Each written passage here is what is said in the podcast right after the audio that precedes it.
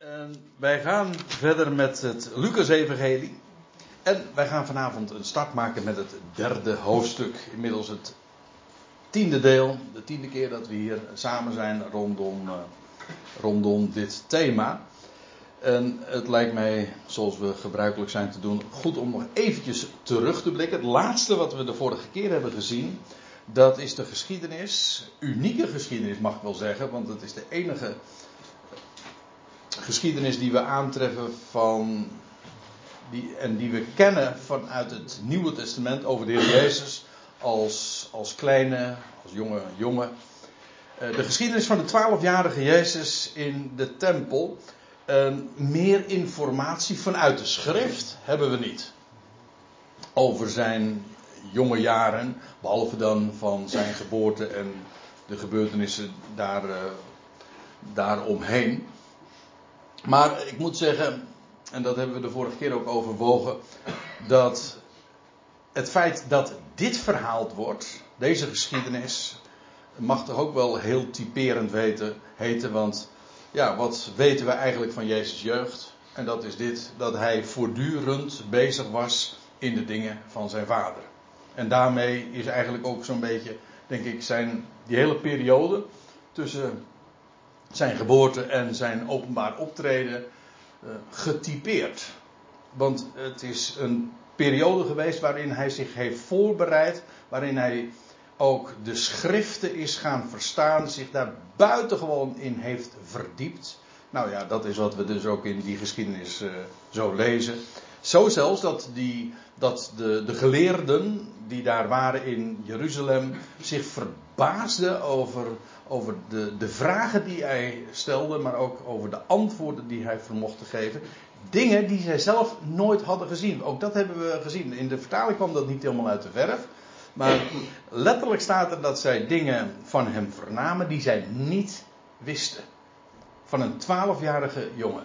En wat de Heer Jezus natuurlijk vooral ook geleerd heeft als, als jongen, als mens, is dat hij zichzelf herkend heeft in de schriften. In de boekrol stond van hem geschreven. En dat heeft hij gezien. Van, en, en zo heeft hij ook geleerd om zich helemaal over te geven aan zijn God en Vader. Van zie hier ben ik hier. In de boekrol staat van mij geschreven om uw wil te doen. En zo is hij die weg gegaan. Dat dat ook nog eens een keer met Pascha was, mag dan ook wel typerend heten. Want ja, uiteindelijk, dat was niet alleen maar waar zijn geschiedenis begon. Ik bedoel, rond die tijd dat hij geboren werd. Maar het is ook de tijd waarin hij uiteindelijk zijn leven heeft gegeven als het ware lam van Pascha. Dus dat, dat die hoogtijd juist zo centraal staat, dat uh, is ook opmerkelijk. Trouwens, ik ben daar van uh, de week nog mee bezig geweest. Is dat we in de, in de Evangelie ook een viertal keren vinden. Na, in zijn openbaar optreden. dat de Heer Jezus het Pascha heeft gevierd. In Johannes 2 lees je erover, in Johannes 5, in Johannes 6. En dat laatste Pascha natuurlijk is dan het Pascha waarin hij uh, daadwerkelijk is uh, gestorven en, of ik moet eigenlijk zeggen, geslacht is. En als ik het, terwijl ik het zit te denken, denk dat komt er dus eigenlijk op neer dat als de Heer Jezus geboren is, vlak voor het Pascha, de volgende gebeurtenis die we van hem weten, nou dat is we, waar we de vorige keer mee bezig geweest zijn, namelijk als twaalfjarige jongen in de, in de tempel, was ook rond het Pascha, en dan vervolgens uh, gedurende zijn openbare optreden, elk jaar dat hij Pascha gevierd heeft, vanaf het begin van zijn openbare optreden tot aan het einde, nog een keertje, vier keer wordt het, de, die hoogtij vermeld, zodat het Pascha heel als een rode draad, dat is ook een leuke, leuk, dat is wel een typerende kleur lijkt mij als ik, die, als ik het heb over het Pascha. Maar als een rode draad loopt dat eigenlijk ook door Jezus' geschiedenis. Die op aarde eigenlijk maar heel erg kort is geweest. Hij is niet ouder dan 2,33 geworden. En we hebben natuurlijk ook, uh, dat kon niet missen, ook stilgestaan bij de verborgen profetie. Uh, die gelegen is in dit in deze geschiedenis.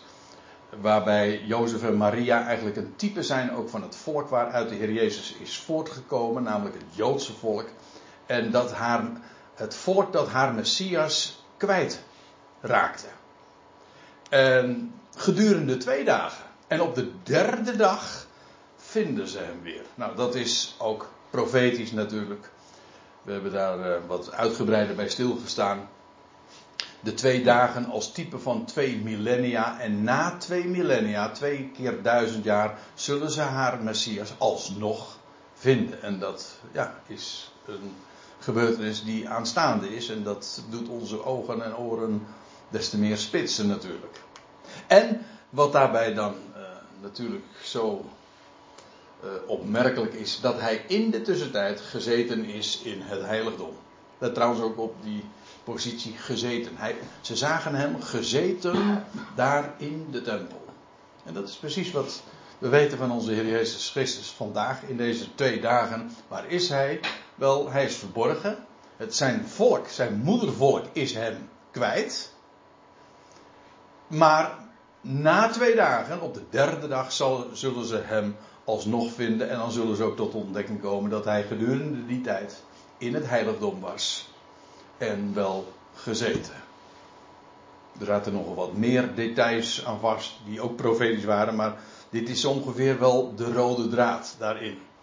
Dus het is uh, in alle opzichten een, een prachtige geschiedenis vol met betekenissen.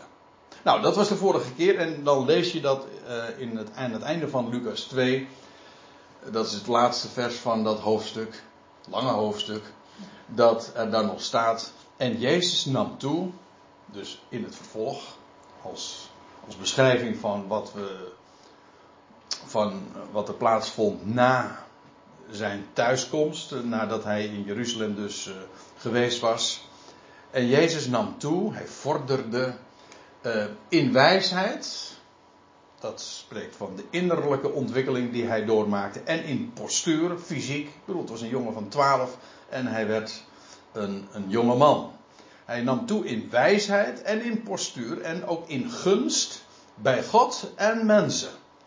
Dus er ging ook een enorme ja, sprake van hem uit. Het woord gunst. Hier is eigenlijk gewoon het woord uh. En ja, het, eigenlijk spreekt het ook van zijn charisma. Maar dan in de letterlijke zin van het woord. Namelijk het vreugde-effect. Dat uh, van Gods wegen uh, in hem uh, ja, tot uitdrukking kwam. En dat was bij God, maar het werd ook herkend en erkend bij de mensen. En eigenlijk is dit de enige mededeling in het hele Nieuwe Testament over Jezus' ontwikkeling tussen zijn twaalfde jaar en zijn ongeveer dertigste levensjaar waarin zijn publieke optreden begint. Maar daarover zullen we het een volgende keer nog hebben. Als we in hoofdstuk 3, vers 23 belanden. Dat zal vandaag zeker niet het geval zijn. Maar dit is alles wat we weten over de tijd tussen zijn twaalfde en zijn dertigste levensjaar. En nam toe in wijsheid, in postuur, in gunst bij God en mensen. En dat is alles. Meer niet. Alle, alle gebeurtenissen worden niet vermeld. Dit is genoeg.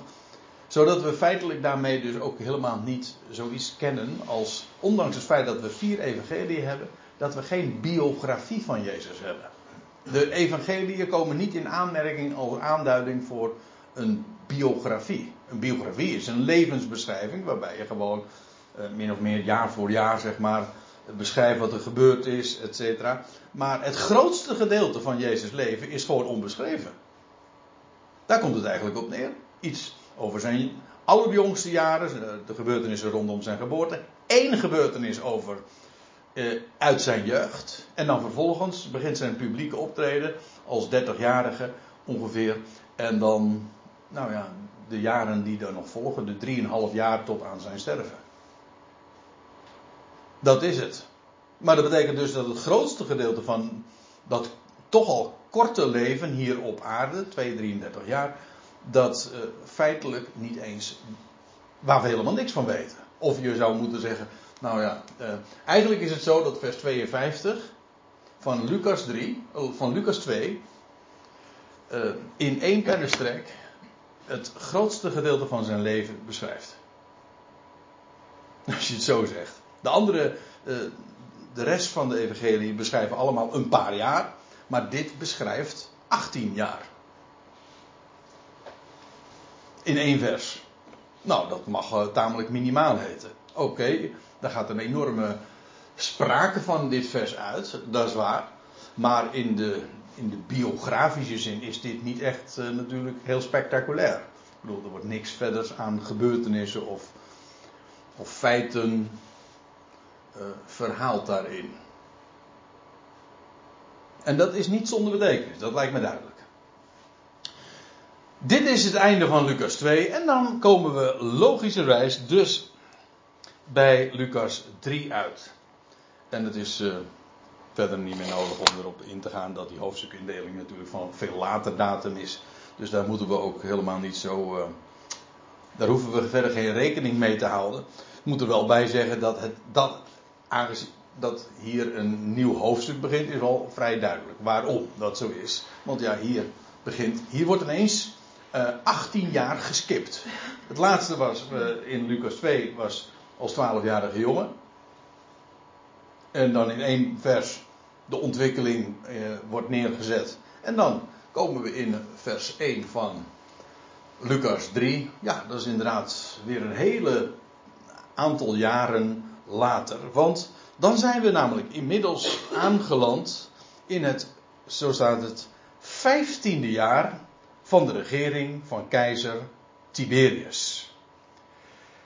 Nou, dat vers, dat moeten we maar eens een keertje wat, uh, wat nader bezien. Het is uh, heel opvallend hoe Lucas grote nadruk legt op de hele historische context van waarin Johannes de Doper, want dat is eigenlijk de inleiding tot, uh, tot, de, tot Johannes de Doper nu, dat zullen we straks nog wel zien maar hoe hij grote nadruk legt op die hele geschiedkundige achtergrond. En daarbij ook allerlei details vermeldt. Kijk, wij zeggen dan, als we een tijd willen aanduiden, dan zeggen we nou, dat was het jaar zoveel. Ik moet zeggen, het is wel erg makkelijk hoor, om dat op die manier te doen. Maar in bijbelse tijden deed men dat niet zo. En dat zie je in het Oude Testament ook al heel vaak dat er staat van, en het was in het zoveelste jaar van koning die dat dit en dat plaatsvond. Bijvoorbeeld, uh, Jeremia wordt geroepen en het was in het zoveelste jaar van. En dan wordt de regeringsperiode van een koning aangeduid. Nou, dat is een prima manier om het ook om een tijd neer te zetten. Maar dat betekent dus dat je de geschiedenis eigenlijk onderverdeelt in regeerperioden van koningen eventueel keizers, maar in ieder geval in regeerperiode. En wij beginnen gewoon nu, ja, al sinds uh, vele honderden jaren, te rekenen vanaf de geboorte van Jezus. Dat dat niet helemaal klopt, is even nu niet aan de orde, maar dat is zoals we dat nu doen. Hè, zodat je al een heel, zodat wij nu kunnen zeggen, ja, we leven nu in 2019. Hè? Nou, in, uh, in de, in de geschiedschrijving zoals we die vinden in de Bijbel, vind je zo, zulke jaartallen nooit. Dat kan ook niet, omdat je altijd, ja, het wordt altijd gekoppeld aan een regeerperiode van iemand.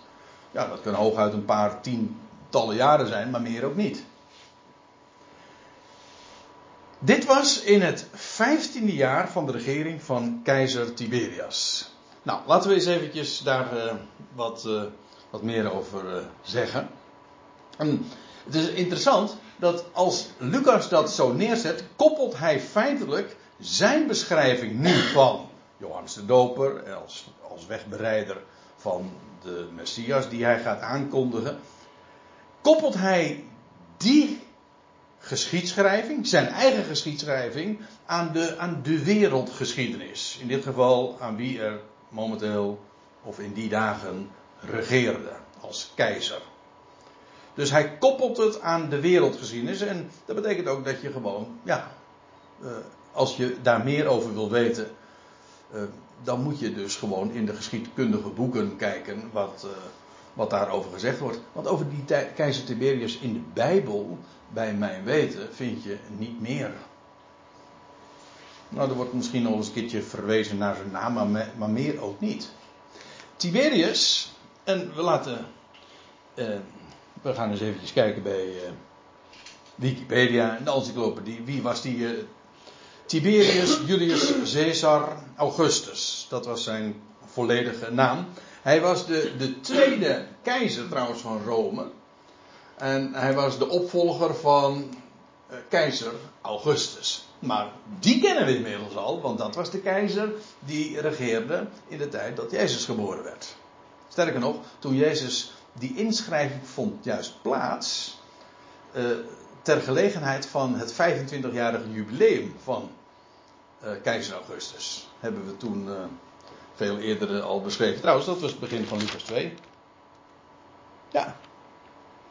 Dat was in Lucas 2 vers 1. Dit is nu Lucas 3 vers 1. En weer wordt het gekoppeld aan de wereldgeschiedenis. En er staat nog bij, wat voor ons op zich niet zo interessant is, maar ik vind het wel aardig om dan te, dat zo te lezen. Ondanks zijn schitterende carrière, voordat hij dan de, de princeps werd, dat is eigenlijk de officiële titel dan van een keizer, zou hij de geschiedenis ingaan als een somber en wantrouwig heerser. Hij werd daarom ook wel Oh, dan moet je. De, hè? Ja? uh, en wat betekent dat? Uh, ik begreep dat. Goh, ik, nou, ik heb het gelezen. ja, de, de, oh ja, de trieste alle, de meest trieste aller mensen. Ja, zo betekent het. En dat, dat weet ik nog wel, want het deed me meteen denken, die aanduiding. Dit is dan Latijns. Uh, maar het deed, me het deed me denken aan wat Paulus zegt van als Jezus Christus niet zou zijn opgewekt, dan zouden wij de beklagenswaardigste van alle mensen zijn. Nou, dat, is, dat, dat, was dus uh, keizer Tiberius. Uh, dat was de bijnaam die hij had. En u ziet het, we, er is heel veel van, ja, dat is niet zo gek. Ik bedoel, het, was, het is nog niet zo, het is relatief kort geleden. Ik bedoel, als je het hebt over de Babylonische Persische heersers, ja, dat is nog weer veel verder terug. Maar dit is Romeinse, Latijnse geschiedschrijving. En daar is tot in detail heel veel over bekend. We weten uh, wanneer hij geboren is, op 16 november 42 voor Christus. En dat hij 16 maart overleed, dat was in 37 na Christus. En dat hij dus ook 42 plus 36 moet je dan rekenen. Hm? Nee, of zo, ja. Is, is dat zo? Ja, uh, ja, dat is die 79 jaar. Nee. 78. Ja, en dan moet je eigenlijk nog maar één jaar afrijden, want jaar 0 heeft nooit bestaan, hè? Dat moet je eraf trekken. Ja, dat is, echt, dat is uh, als een lastig punt. Als je rekent van, van rekent naar min, min zoveel naar plus zoveel, dan moet je in de wiskunde het, het getal 0 ook meerekenen.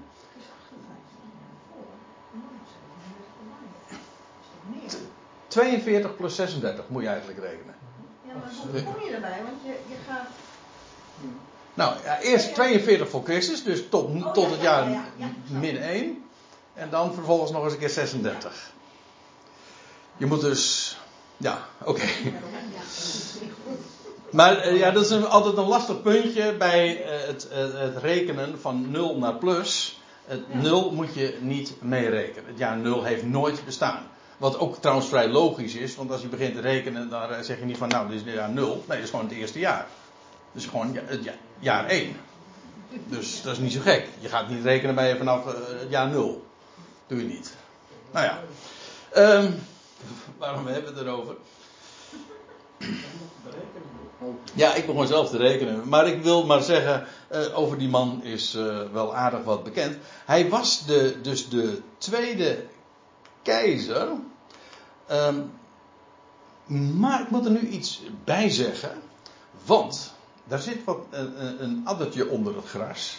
Want als het nou staat het vijftiende jaar van de regering van keizer Tiberius, van af wanneer moet je dan rekenen? Want het punt is namelijk, hij werd in het jaar 12 na Christus, werd hij co-regent naast keizer Augustus. En uh, ik heb het voor, de, voor degenen die daarin kritisch zijn, en dat juich ik alleen maar toe hoor, heb ik er nog eventjes een andere verwijzing naar een Engelse Wikipedia-pagina bijgemaakt. Dat, uh, dat er gewoon ook zo bij staat. Dus de verklaring van zijn, van zijn co-regentschap vond plaats in het jaar 12 AD. Dus 12 na Christus. Toen werd hij co-regent uh, naast keizer Augustus, die inmiddels al hoog bejaard was en niet meer echt goed in staat was te regeren.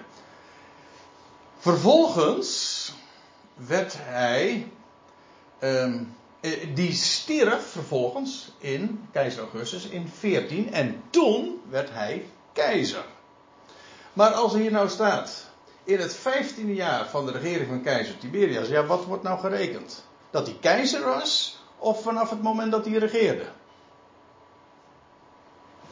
En ja, ik, uh, ik, heb er uh, geen, uh, persoonlijk geen, geen enkel probleem mee. Ik zeg het eerste. Namelijk vanaf het moment dat hij ging regeren. Eigenlijk wordt dat ook gezegd. Het 15 jaar van de regering van keizer Tiberius. Die later keizer werd, maar zijn regeerperiode wordt gerekend. En dat is vanaf 12 na Christus. Ja?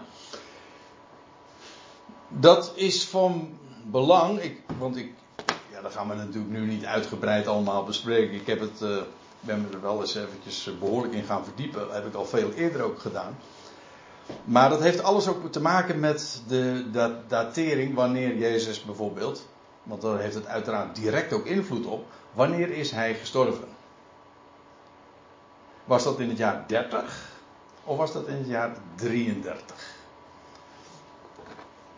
En ja, ik ben uitgekomen op het jaar 30. En dan is dit ook uh, prima te,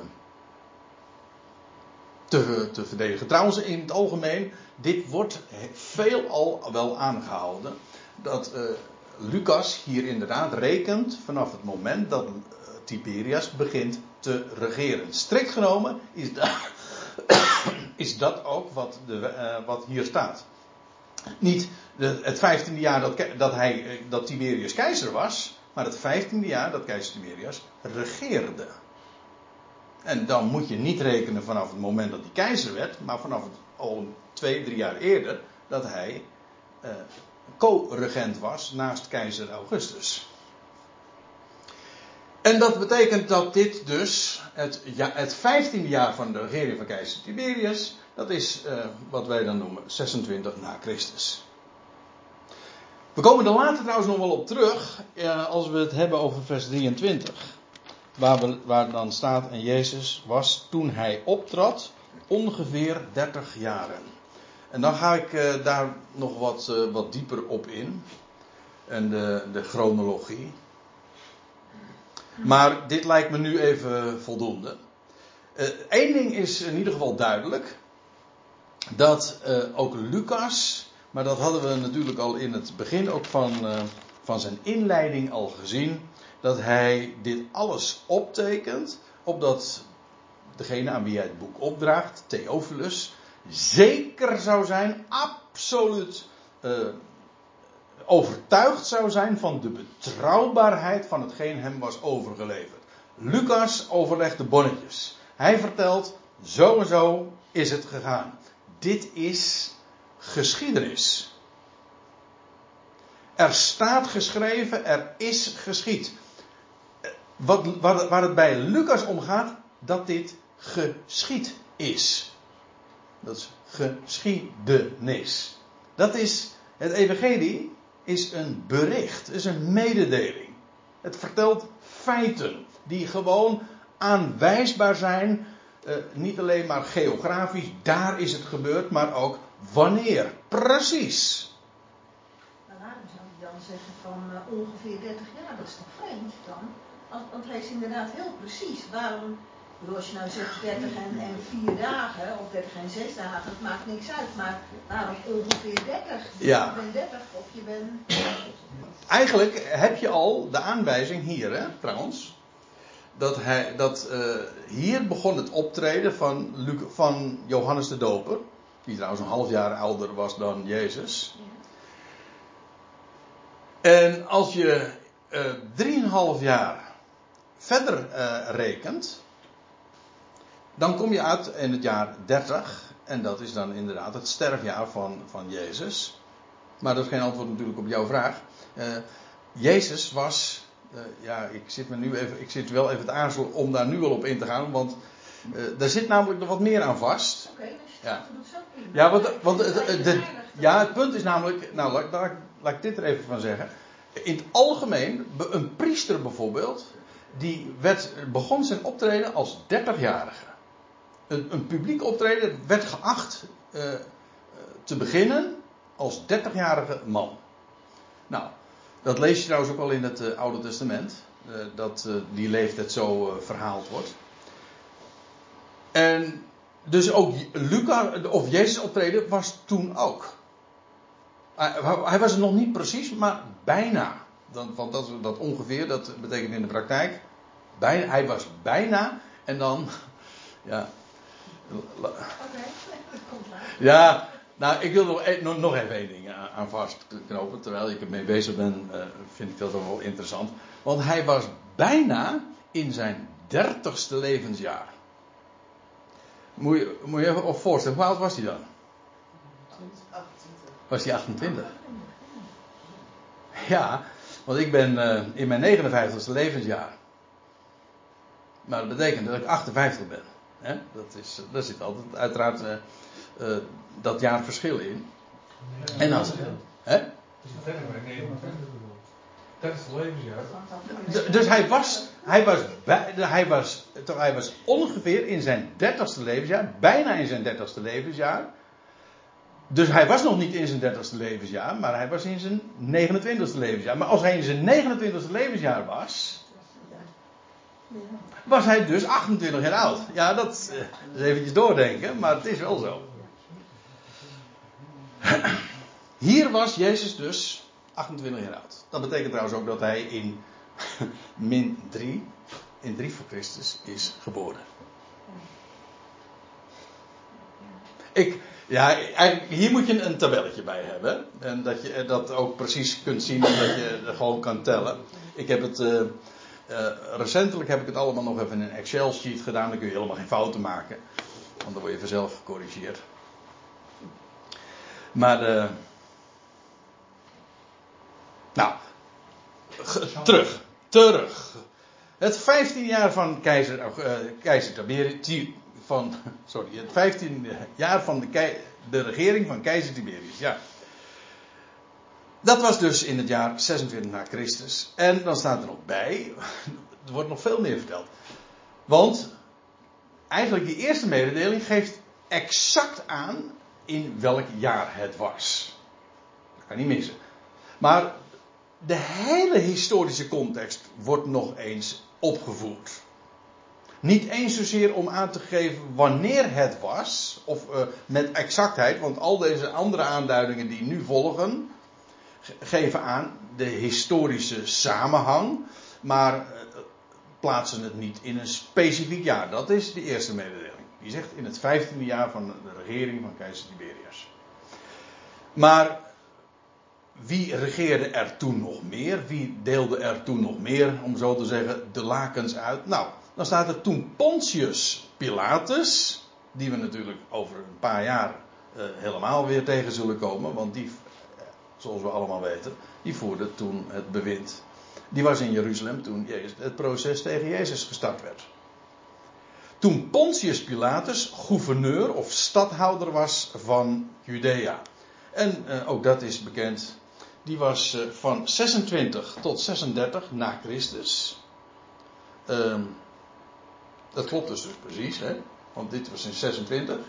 En Pontius Pilatus werd toen ook in die tijd, in, toen Tiberius in zijn 15 regeringsjaar was, toen werd Pontius Pilatus gouverneur van Judea.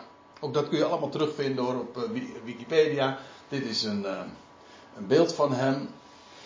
Van uh, zeer oude datum. Een Romeins politicus uit de eerste eeuw. Hij stamde uit het oude geslacht van de Ponti. Dat is ook, vandaar ook Pontius. En hier ziet u het. Hij was van 26 tot 36 na Christus. De vijfde prefectus van, Jude, van Judea onder het gezag van het Romeinse Rijk. Hij was, Ten tijde van keizer Tiberius. hij was commandant van de, Ja. van de keizerlijke garde. Ja, ja, in de eerste instantie. Ja. En hij is geboren op 12 december. Eh, oh nee, sorry, in december 12 voor Christus. Dus we weten het niet op de dag nauwkeurig. Nee.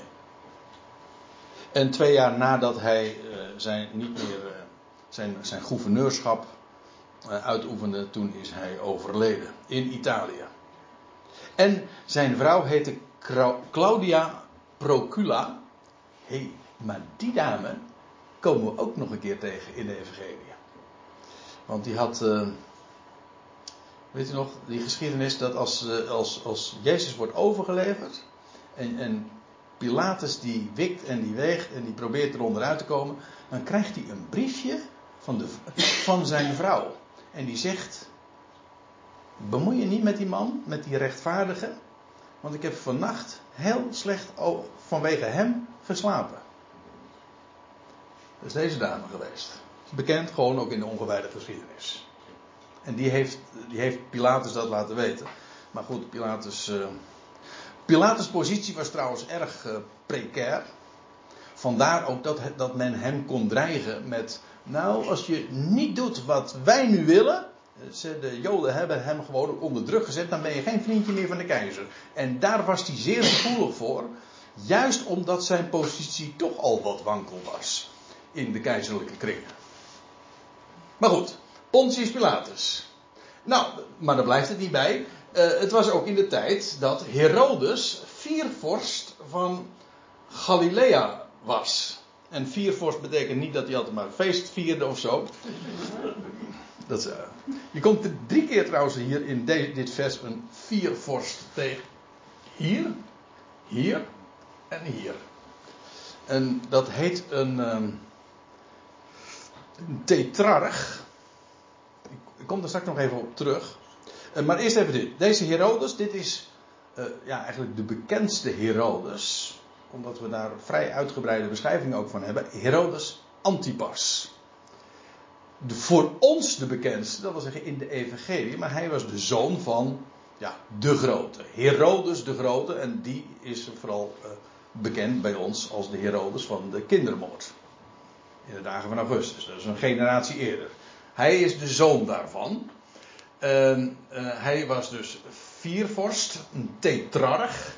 En dat was in de, in de tijd van de Romeinen een heel bekende titel of functie. Dat is namelijk een, een vorst die een vierde deel van het rijk kreeg, of van een bepaald gebied. Zo werd dat verdeeld. En, van, en dat was ook die functie viervorst, een tetrarch, zoals dat dan in het Grieks heet. Wordt heel dikwijls gebezigd. En we vinden hier dus notabene in één vers eh, drie figuren die allemaal viervorst waren. Tetrarchen. Die moesten dus feitelijk de, hun functie delen met andere ja, tetrarchen dus. En over die Herodes-familie, ja, daar is natuurlijk heel veel uh, te melden. Eigenlijk is wel opmerkelijk, we hebben toen we het boek Handelingen bespraken, hebben we ook ons al uitgebreid bezig gehouden, herinner ik me een keer, met, uh, met die Herodese familie. Want ja, Paulus is ook voor een Herodes geweest. Dat was dan Herodes Agrippa, maar dat was weer een, een, zoon, ja, een zoon van, nee, een, achter, een kleinzoon van deze, van deze Herodes. Het was, een hele, het was een hele dynastie, een hele uitgebreide familie. En nou ja, dat is, blijkt ook wel, want deze Herodes was viervorst tetrarch van Galilea, dus het noorden van Israël. Maar, oh, dit is, uh, hebben we ook nog. Ik, ik heb. Hè? Sorry? Nee, nee, ik zeg een knappe vent. Kijk je daar naar Kees? Nee, dat valt zo op. Oh, dat valt zo op. Ja. Eh, ja, er is vrij veel, eh, ook van, van allerlei beelden nog, eh, die toen de tijd gemaakt zijn. Zodat we ook nog eh, redelijk op de hoogte zijn van hun uiterlijk. En dat blijkt trouwens ook uit munten die geslagen zijn, waarbij, zijn kop. klinkt wat oneerbiedig, maar bij munten mag je dat zeggen. zijn, is afgedrukt. Hè? Herodes Antipas, hij was eh, in de eerste eeuw bestuurder van Galilea, zegt Wikipedia dan. Zijn titel was Tetrarch, viervorst. En hij is bekend door wat het Nieuwe Testament vertelt over zijn rol in de gebeurtenissen die leidden tot de terechtstelling van Johannes de Doper. Oh ja, die ook natuurlijk. En daar kom ik, straks nog even over te spreken. Of later, in ieder geval. En van Jezus van Nazareth, uiteraard. Eh, hij is geboren in Judea. Dus in die zin, hij had ook eh, linken met, eh, met, de, met, de, eh, met de, de Joden, absoluut. Hoewel hij een Edomiet was. Ehm, zijn echtgenote was Herodias. Ik zei al, dat komt nog ter sprake. Want dan had Johannes de Doper eens een keer zijn mond over open gedaan. Over zijn vrouw. En hoe die daaraan gekomen was. En dat zinde Herodes Antipas helemaal niet. En die heeft hem daardoor maar in de cel gezet. En zijn ouders waren Herodes de Grote. En hij had nog kinderen. Die we later trouwens ook weer tegenkomen in het boek Handelingen. En hij had broers, Archelaeus, die we in het Matthäus-evangelie trouwens tegenkomen. Philippus, die we straks nog even zullen bespreken. Nou ja, ziet het. Eh, het valt niet mee om de hele familie een beetje te doorzien. Je zou eigenlijk eh, weer eens eventjes die stamboom die ik eh, toen ooit heb, gemaakt, eh, heb afgedrukt. Weer eens eventjes van, van stal moeten halen om het helemaal eventjes helder weer te krijgen.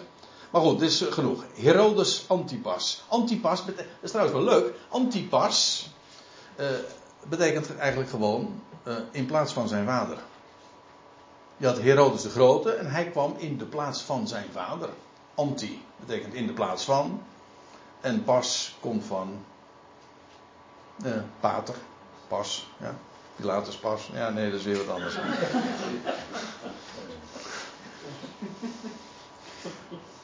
Nee, dat, is, dat komt weer van hoc es corpus. Hè. Pilatus pas. Hocus pocus. Ehm, Herodes Antipas, ja. En Herodes, oké, het was dus in het vijftiende jaar van Tiberius. Pontius Pilatus was gouverneur van Judea. Herodes was viervorst van Galilea. En zijn broer, dat wil zeggen Herodes broer, dus ook uit, eigenlijk Herodes is een, eh, een familienaam. Een achternaam, zeg maar. En zijn broer Philippus, een liefhebber van paarden betekent dat. Ehm, ja, je, in de, Heer Jezus had trouwens ook een Philippus al onder zijn discipelen. Ja. En zijn broer Philippus, eh, die was ook viervorst, een tetrarch, maar over Iturea en van de landstreek Trachonitis. Nou, eh, het wordt inmiddels een beetje saai, maar ik ga toch Wikipedia er weer eventjes bij halen, gewoon om eh, het wat body te geven. En hij was een, eh, een tetrarch binnen de dynastie van de Herodianen, de, de dynastie van Herodes dus. Hij was een zoon van Herodes de Grote, net zoals die Herodes Antipas dus. En van Cleopatra. Maar eh, die kennen we natuurlijk, hè. En die Cleopatra, dat was, nee, dat was Herodes' vijfde vrouw. Herodes eh, de Grote dan. Zijn vijfde vrouw die uit een belangrijke Joodse familie in Jeruzalem stamde. En deze Filippus die werd geboren 4 voor Christus, dus twee jaar voor de Jezus geboren werd. En hij is overleden 34 na Christus. Hij is ook niet oud geworden, dat is duidelijk. En, eh, dit is interessant, hij kwam uit Bethsaida. Of nee, daar kwam hij niet uit, daar is hij overleden. Weet u wie daar ook woonde?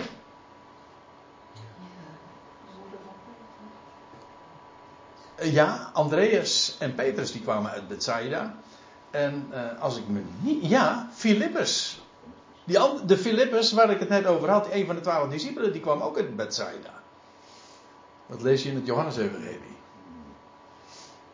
Nou, zijn, Herodes waren, zijn ouders waren dus Herodes de Grote. En zijn broer was, maar dat zagen we dus in, zojuist in eh, al vermeld door Lucas. Zijn broer was Herodes Antipas. En hij heette Herodes Philippus. En eh, een nicht van hem, dat was Bernice. Berenice. Die we, naam die we ook kennen. Uit het boek Handelingen weer. Ook weer als dan Agrippa eh, op de prop komt. Allemaal Herodesen. Nou, als we dan toch bezig zijn. Hè, Lucas eh, die beschrijft dat, hoe, dat eh, was. Galilea had je in Herodes. Uh, Filippus was viervorst over Iturea. Ik zal straks eventjes een kaartje laten zien. En eh, Lysanias, die was ook viervorst, een tetrarch, maar van Abilene. En dan moet ik even een kaart laten zien, want nu vind je allerlei namen. Kijk, hier heb je dus Galilea. En daar regeerde Herodes Antipas. In Judea was, had je de stadhouder Pilatus. In Trachonitis en Iturea had je Philippus, die daar vier vorst was, ziet u? En Abilene, daar had je de viervorst Lysanias. Dat is hier, dat ligt daar zeg maar vlakbij uh, uh. Eh, dit is Syrië. En uh, deze gebieden ja, worden voor een gedeelte ook genoemd natuurlijk. Idumea, dat is Edom eigenlijk. En dit is Joodse land, Samaria, Galilea, Decapolis, vind je in de Evangelie diverse keren ook vermeld. Dat de Heer Jezus daar ook in deze streken bivakkeerde. En het gebied van de Nabateeën, dat wordt in de Bijbel niet genoemd. Maar zo krijgt uh, die hele setting, die hele historische setting zoals Lucas hem neerzet, uh, echt body. Je, je weet van, aha, dat was dus in die tijd, in dat specifieke jaar. Maar dan weet je ook meteen wie er nog meer allemaal in die omgeving, in dat gebied van het Joodse land en daaromheen, uh, ja, regeerden en uh, belangrijke figuren waren. En het is van belang, omdat we een aantal van hen ook inderdaad later weer tegenkomen. Denk met name aan uh, Pilatus en Herodes Antipas, die een grote rol gaat spelen. Nog. Zowel in het leven van Johannes de Doper als ook in het hele terechtstelling van, van Jezus.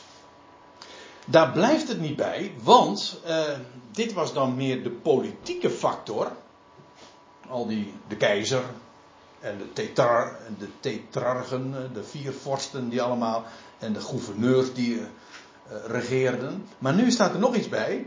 Het was onder de, uh, de hoge priester Annas en Caiaphas.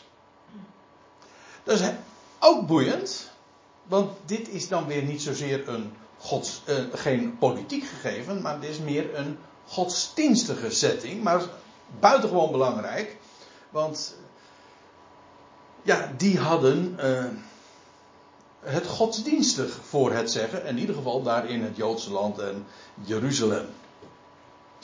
De hoge priester Annas en Caiaphas, eigenaardig dat het trouwens in het enkelvoud staat, en dat er niet staat de hoge priesters Annas en Caiaphas.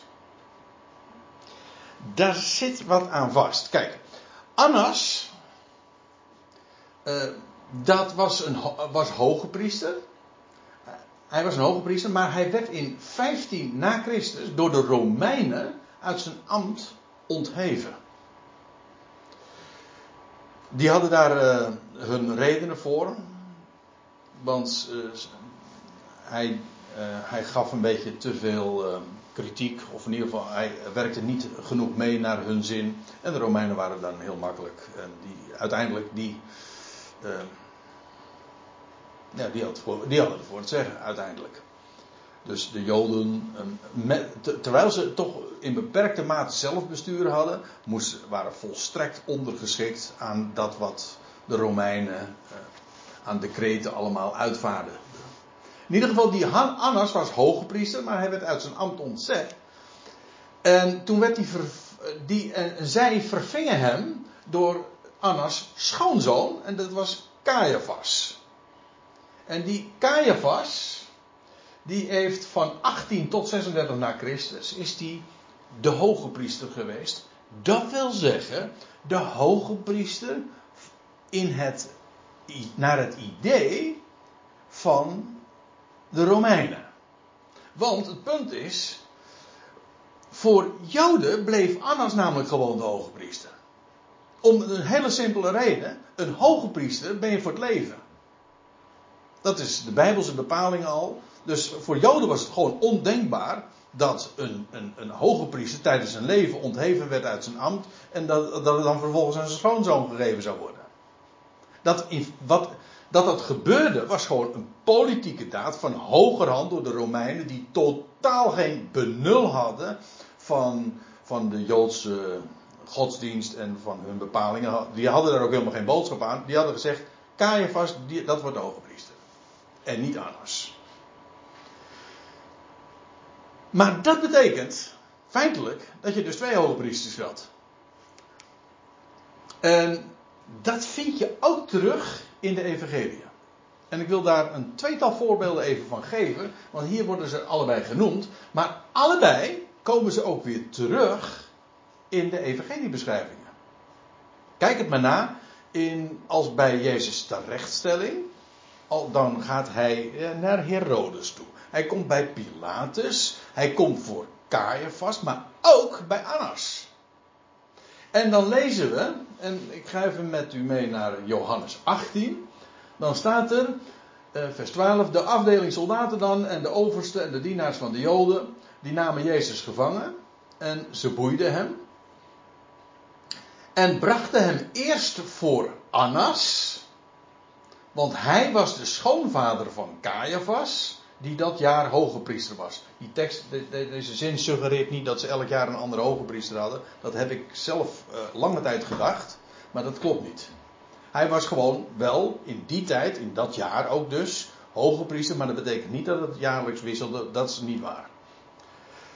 Caiaphas was de hoge priester die door de Romeinen was aangesteld. Maar voor de Joden was Annas nog steeds gewoon de zittende hoge priester. Dus in de praktijk waren er dus feitelijk twee hoogpriesters. Eentje die administratief erkend werd door de Romeinen. En de, en de ander die eigenlijk in de praktijk voor de Joden eh, nog steeds de hoogpriester was.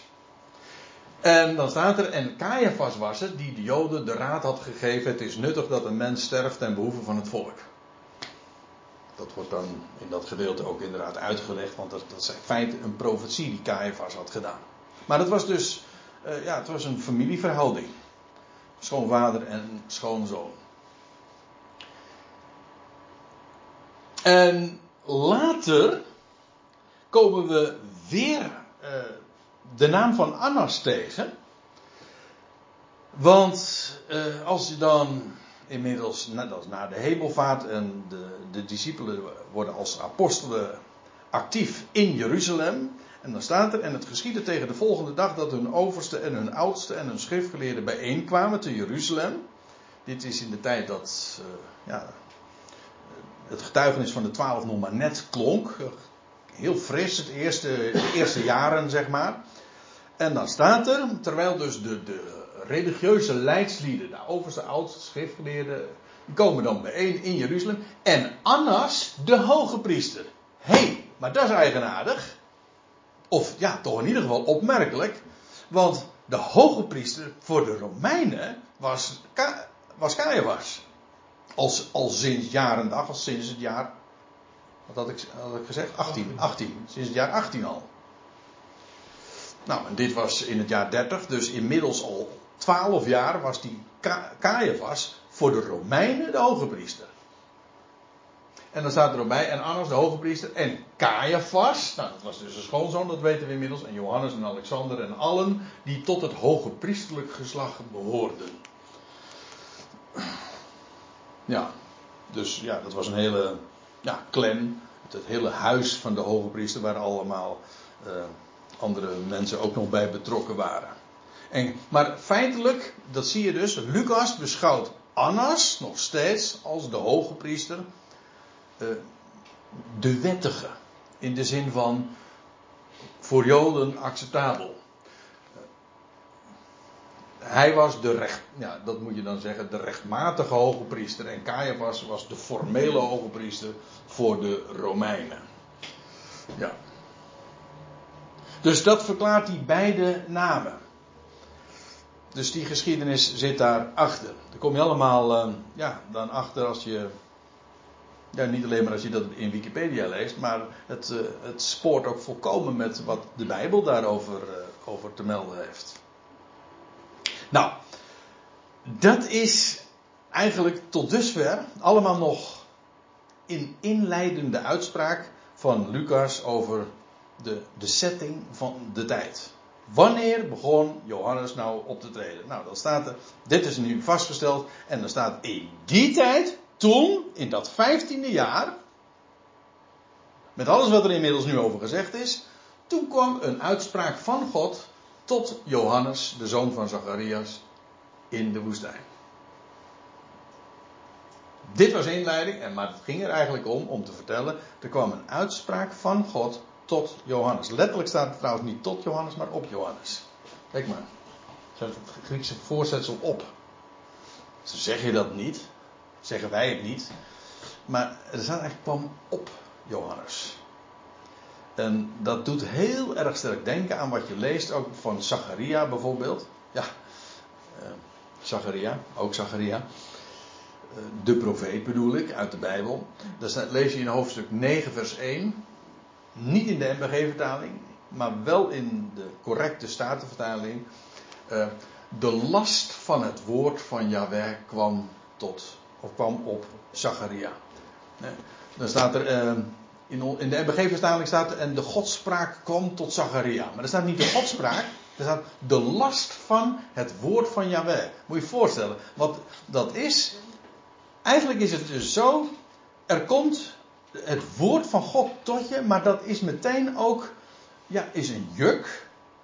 Ik bedoel niet in eens in de zin van te zwaar of zo, maar gewoon, het is de verantwoordelijkheid om dat te dragen. Het woord kwam op hem, het is een last. Hij moest dat zeggen. Dat is het. Dat is eigenlijk ook wat een profeet doet. Hij is, hij, is maar niet vrijwillig uh, wat aan het freewheelen en, en vertelt wat zijn mening is. Nee, hij heeft iets te zeggen wat hij moet zeggen. Er is geen uitweg. Dat moet hij doen. Het is de last van het woord van Yahweh. En dat uh, voorzetsel op uh, geeft dat eigenlijk ook aan. De uitspraak van God kwam op Johannes. Namelijk de zoon van Zacharias. En het was in de woestijn. Ja, dat wil zeggen, Johannes was dus toen uh, in de woestijn. Weet je dat het woord eigenlijk, dat woord voor woestijn. Ja, ons woord woestijn is eigenlijk ook wel aardig uh, veelzeggend. Woest. Hè? Maar letterlijk betekent dat in het Grieks. Het is een verlaten gebied, eenzaam. En ik heb het even voor u uh, op een rijtje gezet. Het woord komt in totaal 60 keer voor. En meestal wordt het vertaald in de MBG-vertaling 22 keer gewoon met woestijn. Maar het, uh, met varianten van het woord, allemaal hier, uh, wordt het heel vaak vertaald met eenzaam of de eenzame. Een eenzame streek, een eenzame plaatsen, eenzame streken. Berooid ook nog een keertje. Dat is niet erg concordant. Maar het idee is ja, dat van troosteloosheid, maar vooral dat van eenzaamheid. Een woestijn is een gebied wat verlaten is. Ja, daar zit uh, nog wat aan vast, maar ik zie inmiddels dat het 9 uur is. En we hebben nog maar één vers besproken, maar dat maakt niet uit. Uh, want nu is er koffie.